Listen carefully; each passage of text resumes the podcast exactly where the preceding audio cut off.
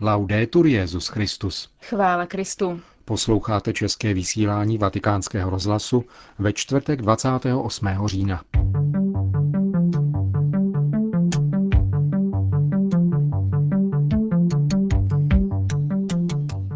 Benedikt XVI. se setkal s Papežskou akademií přírodních věd a hovořil o styčném bodě mezi přírodními vědami a náboženstvím. Minulou neděli skončené zasedání biskupské synody pro Blízký východ bude předmětem rozhovoru s jeho účastníkem, egyptským jezuitou otcem Samírem. Komentář o smyslu církevních škol od Johany Bronkové naše dnešní vysílání uzavře. Hezký poslech vám přejí Markéta Šindelářová a Milan Glázer.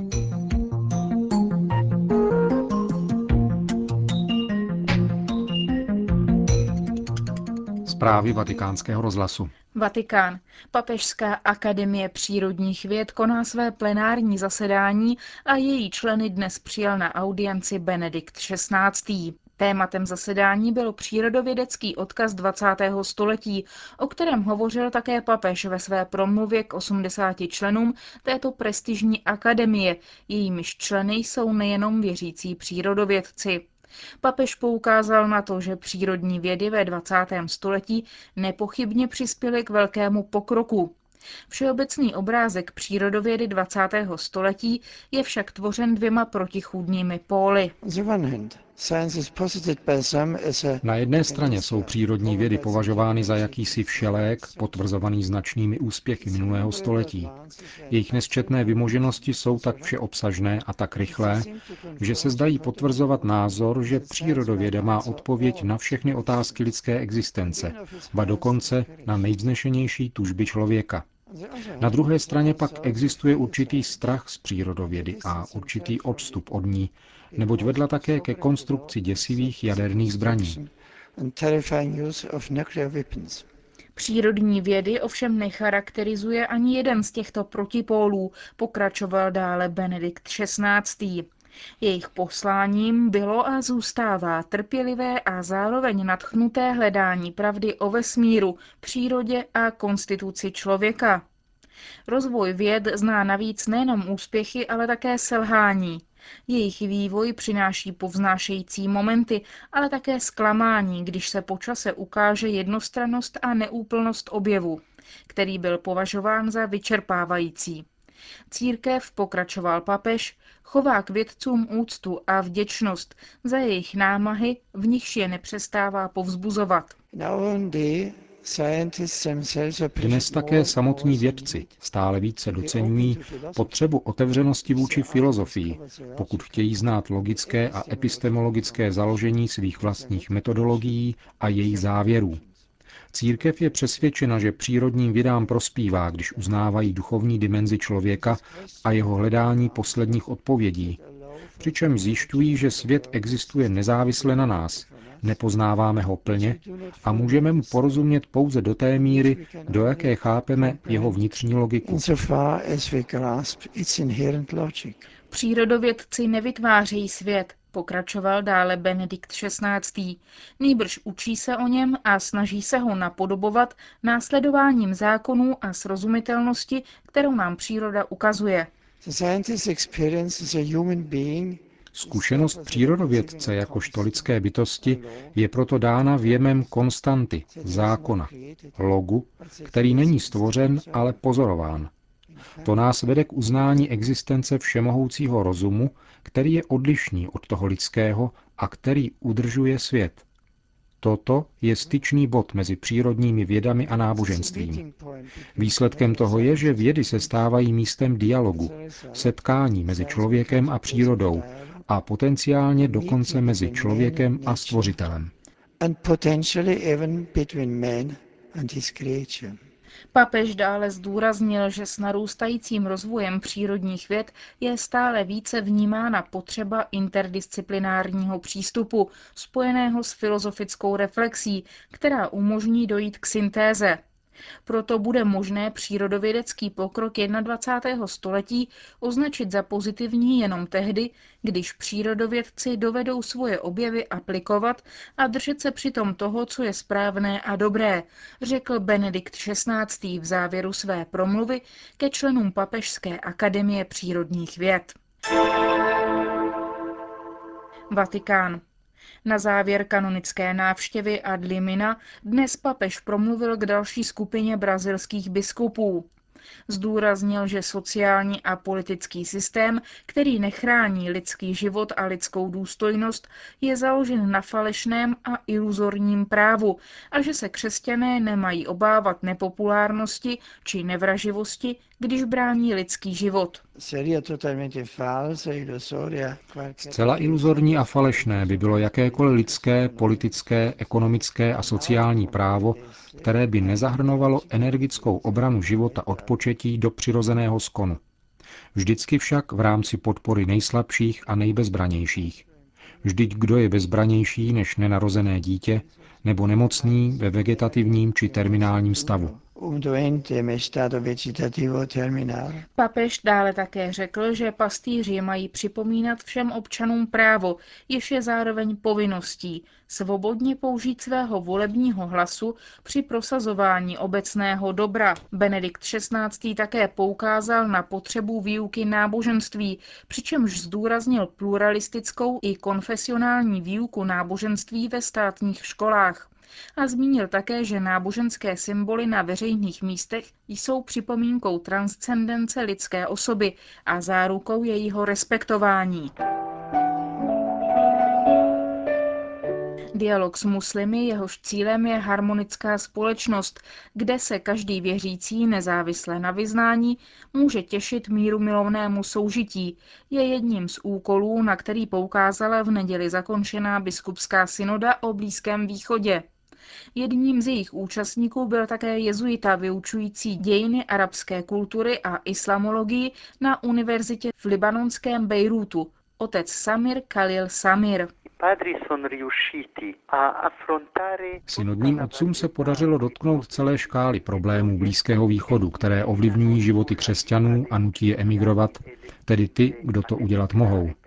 Byla tu na synodu snaha všímat si jak vztahu se státem, tak otázky míru v regionu, problému násilí a především otázky vnitřního společenství katolické církve, společenství mezi křesťany navzájem, tedy ekumenismu a vztahu s našimi bratry muslimy. Jak se synoda vyjádřila ke spolupráci a dialogu s muslimy? Pro muslima platí zcela spontánně. Vzhledem k tomu, že jich je tu naprostá většina, více než 90% obyvatel regionu, že hlásá Korán za všech okolností. Křesťan se smí pouze modlit ve svém kostele, ale venku o své víře svědčit nesmí. A my nyní říkáme, to je nepřijatelné. Chceme společnost tvořenou občany, ne drůzy, křesťany, muslimy, šíity či sunity. Všichni souhlasíme s tím, že víra je součástí života společnosti. To nepopíráme. Nechceme laickou ateistickou společnost, ale chceme říci, že náboženství je osobní záležitost, která společnost ovlivňuje a proto máme právo i povinnost, stejně jako muslimové, hlásat naši víru. Tohle bylo řečeno zřetelně. Závěrečné poselství synody obsahuje apel na mezinárodní společenství, aby aplikovalo rozhodnutí OSN týkající se míru na Blízkém východě. Mír je zásadní podmínka. Jak ale nastolit mír, když neexistuje právo a spravedlnost? Právo na politické úrovni není osobní věcí a není to pouhá dohoda mezi dvěma aktéry. Musí existovat dohoda s mezinárodním společenstvím, které je zastupováno Organizací spojených národů. My spolu se svatým otcem a s lidmi dobré vůle říkáme, bez respektování práv tu nemůže zavládnout mír. Jsme si ale všichni vědomi, že OSN není ušetřena nátlaků. Co je třeba udělat, aby tato synoda vydala plody, které se zapíšou do dějin? Myslím, že opravdová práce začne nyní. Reflektovat, jednat a ne naopak. Teď tedy začne ta obtížnější část. Ta, v níž se muslimové, křesťané, židé i ateisté musíme naučit vést dialog, naučit se konat spravedlnost, naučit se jednat s imigranty, naučit se přijímat pluralismus. Jak řekl papež ve své závěrečné promluvě, teď jde o to naučit se polifonii. Této výzvě čelíme. Jsme hodně různorodí. Já jsem optimista, protože jsem věřící. Říká otec Samir Khalil Samir.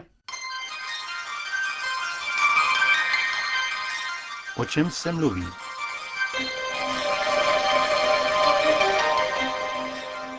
Celospolečenskou debatu o katolických školách ve Velké Británii vyvolala senzační zpráva z rodiny vicepremiéra Nika Klega. Ukázalo se, že tento lídr liberálních demokratů posílá svého syna do katolické školy. Nebylo by na tom nic divného, kdyby se Clegg v nedávné volební kampani neprohlásil za ateistu. Voliče mu měla přilákat mimo jiné kritika církevních škol. Přitom sám vybral pro syna katolickou školu, a to ne jakoukoliv, níbrž školu slavné londýnské oratoře spojené s ultrakatolickým prostředím. V praxi to znamená mimo jiné latinské mše, často v předkoncilním obřadu, nebo povinné modlitby žáků několikrát denně. Pátrání novinářů odhalilo, že do téže školy posílá své děti také Harriet Herman, která v Blairově a Brownově vládě podporovala proticírkevní zákony, vedoucí mimo jiné k uzavření katolických adopčních agentur. Nic na plat. London Oratory School platí za jednu z nejlepších škol hlavního města a její absolvování otvírá dveře na elitní univerzity jako Oxford nebo Cambridge. Když pravda vyšla najevo, liberální a levicoví voliči se cítili podvedení. Své lídry obvinili z pokrytectví. Spokojeni nebyli ale ani katolíci. Ptají se, pro koho jsou vlastně určeny katolické školy. Proč lidé, kteří nejenže podle učení církve nežijí, ale otevřeně s ním bojují, zabírají v nejlepších církevních školách místa dětem z praktikujících katolických rodin.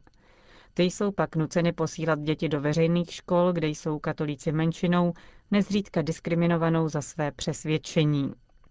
Diskusi otevřel článek londýnského kněze Patera Ashleye Blacka v týdeníku The Tablet. Podle jeho názoru by církev měla z pastoračních důvodů podporovat praktikující katolické rodiny. Projevovat by se to mělo i v pravidlech pro přijímání do škol těšících se velkou popularitou. Pater Beck připomíná, že do jisté míry se tato zásada v britské církvi respektuje. Žádost o přijetí do katolické školy má totiž doprovázet dobrozdání od kněze. Díky tomu některé nepraktikující rodiny začínají jevit zájem o církev, pravidelně se účastnit liturgie a jinak se podílet na životě farnosti. Londýnský kněz sice přiznává, že někteří se tak chovají čistě formálně a rozloučí se s církví, jakmile dostanou pozitivní vyjádření pro své děti. Nicméně, poznamenává Páter Beck, pro naši pastoraci je to velká šance a nezřídka se ji daří dobře využít. V posledních letech se ovšem situace kněží vystavujících dobrozdání výrazně zhoršila. Nejrůznější předpisy, jak církevní, tak státní, ohraničují jejich povědomí o rodinách. Nesmí se například zeptat, zda rodiče uzavřeli církevní sňatek. Ze strany státu i některých církevních kruhů sílí nátlak, aby se katolické školství stalo otevřenější pro děti různých sociálních kategorií. To všechno vyznívá v neprospěch normálních katolických rodin, které jsou ponechány sami sobě ve společnosti kulturně stále odcizenější. Článek londýnského kněze vyvolal velký rozruch, který se neobešel bez osočování a urážek. Autor byl obviněn z úmyslu trestat na dětech nemorálnost rodičů. Oficiální představitelé katolického školství odmítli rozdělovat katolíky na nominální a praktikující. Nicméně diskuse dovolila ještě jednou sáhnout k nedávnému učení Benedikta XVI. o nutnosti upevňovat identitu katolických škol ve Velké Británii. Připomněla, že jejich základním cílem není dláždit cestu do Oxfordu pro děti Klega a dalších prominentů, nýbrž výchova nové generace britských katolíků. Končíme české vysílání vatikánského rozhlasu. Chvála Kristu. Laudetur Jezus Christus.